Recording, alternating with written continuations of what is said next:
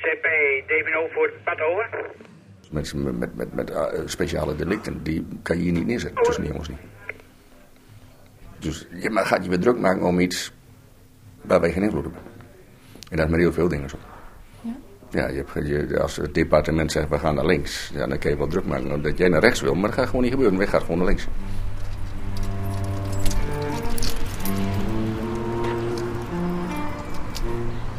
Je luistert naar Binnen de Muren, een podcast van RTV Drenthe over de penitentiaire inrichting Esserheen. Een gevangenis in het Drentse Veenhuizen. Mijn naam is Marjolein Knol en afgelopen jaar mocht ik af en toe meelopen in de gevangenis, omdat ik wou weten hoe het is om hier te leven. Dit is aflevering 4, de parkwachter.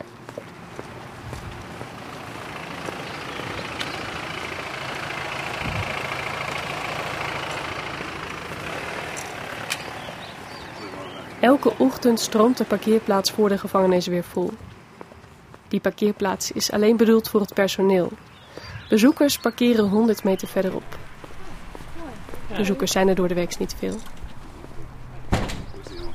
Ja, ja gaat weer de goede kant op. Mooi.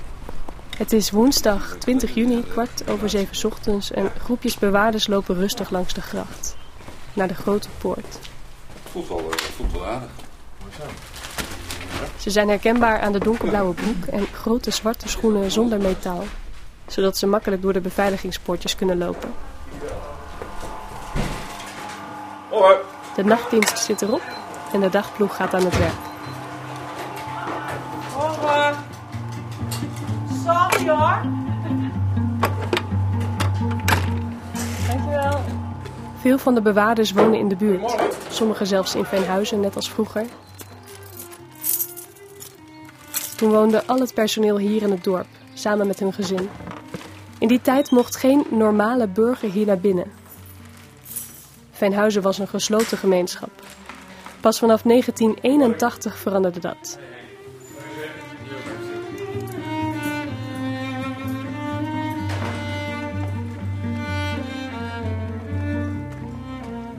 Hans noemt deze mensen parkwachters. Ja, we zitten hier in een park wat allemaal parkwachters. Ik noem ze ook altijd parkwachters. Ik noem ze bewaarders, maar officieel zijn ze penitentiair inrichtingswerker. Deze mensen zijn verantwoordelijk voor de bewaring en beveiliging van gedetineerden. Dat doen we met verven. Je weet het. Koffie.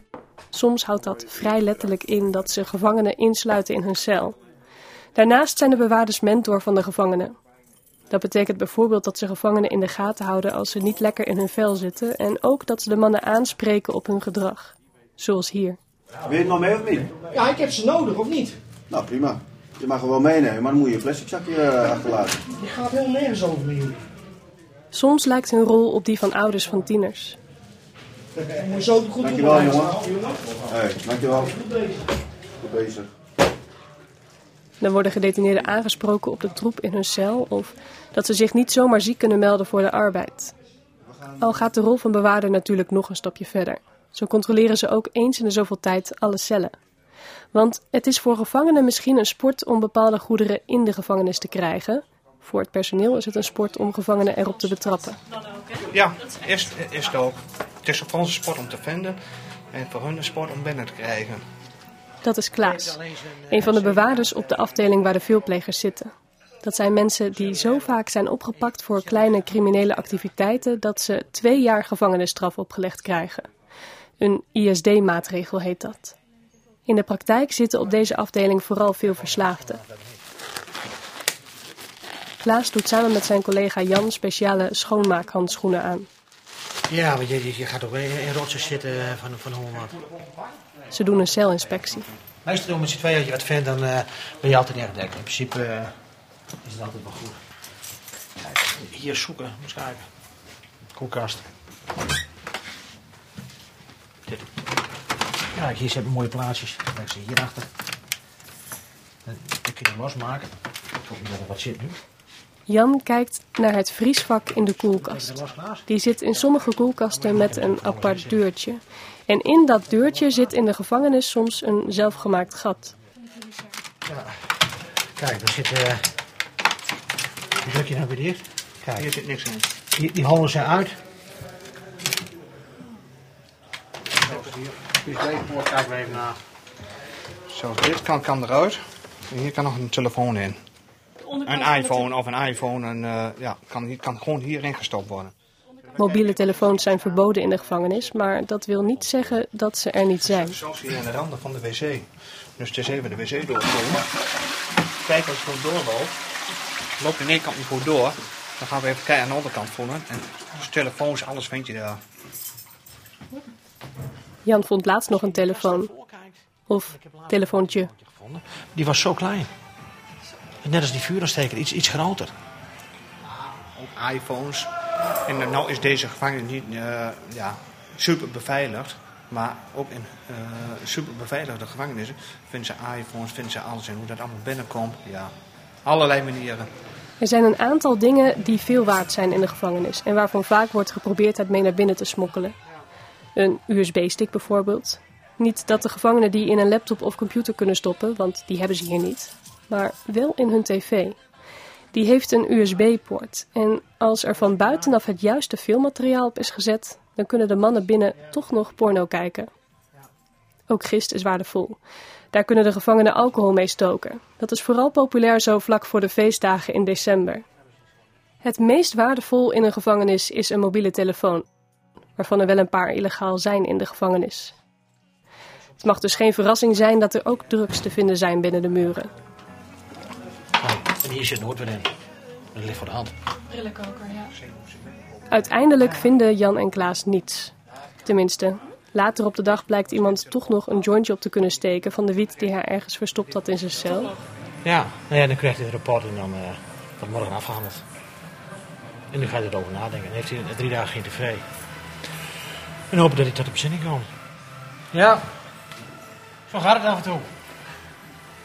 Iets anders waar bewaarders mee moeten omgaan zijn de veranderingen van hogerhand. Zoals bijvoorbeeld gevangenissen die sluiten. Vandaag gaat het gerucht dat vier gevangenissen dicht moeten. De gevangenissen in Fijnhuizen lijken daar tot grote opluchting van het personeel niet bij te horen. Twee dagen later zal blijken dat het gerucht klopt. Maar het is ook een keer prettig om er een keer niet bij te zitten. Ja. Geeft ook een goed gevoel. De bewaarders kunnen zich nog maar wat goed herinneren hoe dat een paar jaar geleden ging.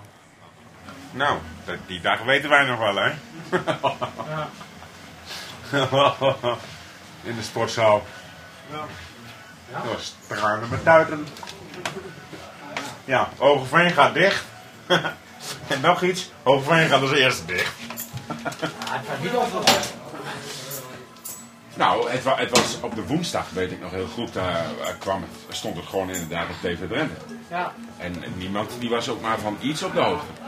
Het is volgens deze werknemers niet voor het eerst dat voor hen verontrustend nieuws gelekt wordt. Dat is nou twee keer eerder gebeurd.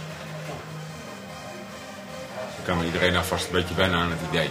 Ja. Dat het expres gelekt is. Ja, ja. Ja. Misschien tactisch. Ja, dat lijkt me Misschien dat jij er antwoord op kan geven. De afgelopen maanden dat ik hier rondliep speelde constant de onrust dat ook Esserheem en Norgerhaven misschien moesten sluiten. Verschillende kranten schreven dat met de mogelijke sluiting ook de ziel van Veenhuizen zou verdwijnen. De opening van de vadervleugel door minister Sander Dekker werd overschaduwd door de mogelijke sluiting.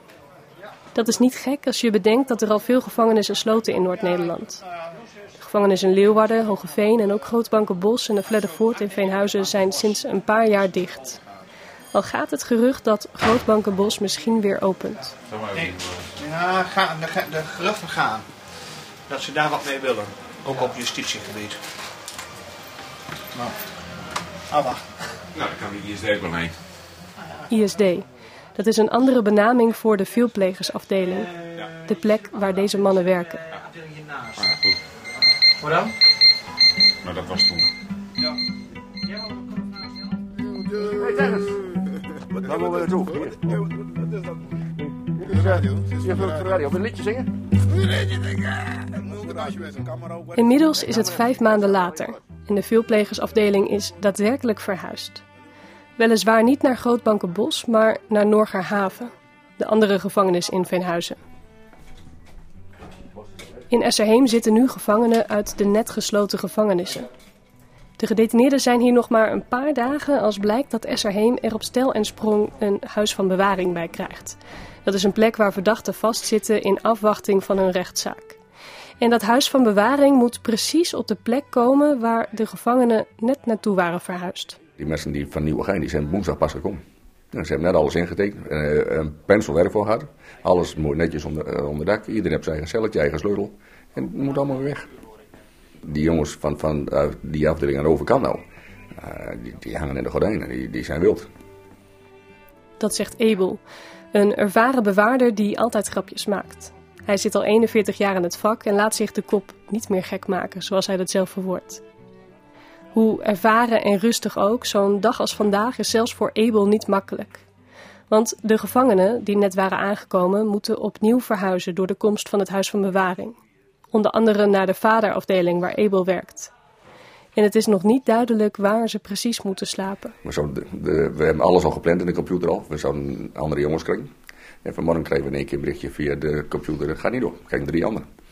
Alle papieren weg. Nieuwe papieren gemaakt. En nog geen tien minuten later zei oh wacht even, het gaat toch weer anders worden. Want dat heeft ook geen zin. Nee, het is een beetje rommelig binnen, binnen ons, ons wereldje. Ja, het is vervelend af en toe. En je moet echt, je moet echt een knopje om, want je, je raakt helemaal gefrustreerd. En dat is jammer. Abel heeft moeite met deze gevangenen omdat ze eigenlijk niet op de vaderafdeling thuis horen. En we worden een klein beetje mee geconfronteerd, want we krijgen nou drie mensen die eigenlijk wij niet willen hebben, maar we willen zelf uitzoeken wie hier naartoe moet, omdat dit gewoon een project is waar niet iedereen kan plaatsen. Mensen met, met, met, met speciale delicten, die kan je hier niet neerzetten, tussen die jongens niet. Dus je maar gaat je weer druk maken om iets waar wij geen invloed op hebben. En dat is met heel veel dingen zo. Ja, je hebt, je, als het departement zegt we gaan naar links, ja, dan kun je wel druk maken dat jij naar rechts wil, maar dat gaat gewoon niet gebeuren. Wij gaan gewoon naar links. Hoi, ik heb ze meegenomen. Wie? 22 smeer. Hé, hey, moet je weg, maar er moet waarschijnlijk één weer terug. Nee. Ja. Wie gaat weer terug? Kom jij hier? Ja, ben mooi klaar mee. Wie gaat weer terug? Nou, we, we hebben een technisch probleem. Die meneer die daar zit, die is sleutel. Abel loopt al wat jaren mee en hij weet dat hij flexibel moet zijn. Want ook al is hij het er niet mee eens, het systeem verandert niet. Jongen, jongen, jongen. Als het hele week zo duurt, dan kunnen we nog lachen, hè? Ja, toch? Dat wordt een mooie week. ik ga bellen jou. Ik heb zelfs niks op voorraad, maar ik ga even kijken of ik eentje kan regelen. Technisch ineens hier aan de één. Een paar dingen weet je als bewaarder zeker. Met elke nieuwe minister van Justitie verandert het beleid en je maakt sowieso een bezuinigingsronde mee.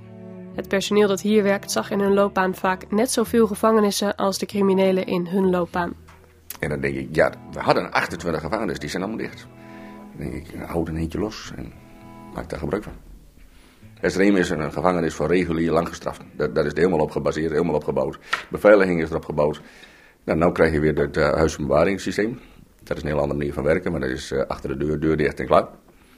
Die ISD'ers waren wel blij dat die weggingen, maar er komen geen lang gestraft voor terug. Je kent ze wel kwijt en het is een kwestie van hek dicht, deur dicht, maar het, werkt niet. Als in? Nou, er zijn heel, heel veel drugspunten op het moment en dat komt allemaal van dit soort, dit soort dingen. Er is geen, geen, geen grip meer op een gegeven moment. Je raakt gewoon de grip kwijt. En dat, dat is de kat op. Dat hoort niet hier. Dat past niet. Hoewel Abel het samen met veel andere bewaarders niet eens is met dit beleid, houdt hij van zijn werk. Hij had drie jaar geleden al met pensioen gekund en dat doet hij niet. Dat zeg maar. Ik was 59, toen moest ik mee uh, melden. Ik, moest, ik kreeg een uitnodiging bij personeelszaken of ik even langs wil komen. En die meneer zei, weet je wat dat je eruit kan hebben? Ik zei, ja, dat weet ik wel. Ik heb een pasje, ik kan er zo uit. Nee, jongen, hij zei, je kent de dienst uit. Ik zei, dat wel vroeg. De dienst uit nu al. Ik zei, maar ik vind het werk nog mooi. Die man stond met open mond, zat hij me aan te kijken. Hij zei, meen je dat? Ja, ik, zeg, ik vind het gewoon mooi, ik vind het leuk.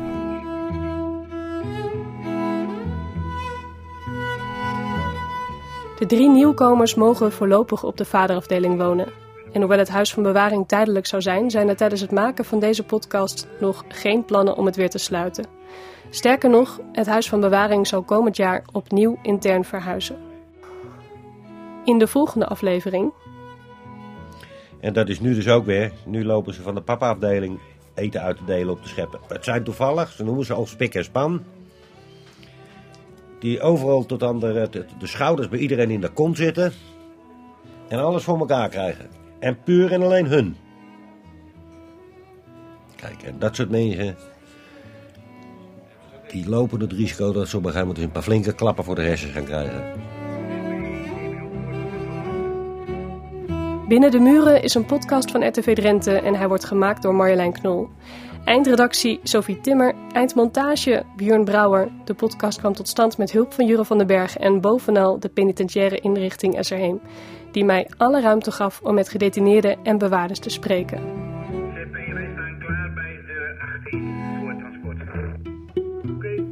Abonneer je op Binnen de Muren om op de hoogte te blijven van nieuwe afleveringen.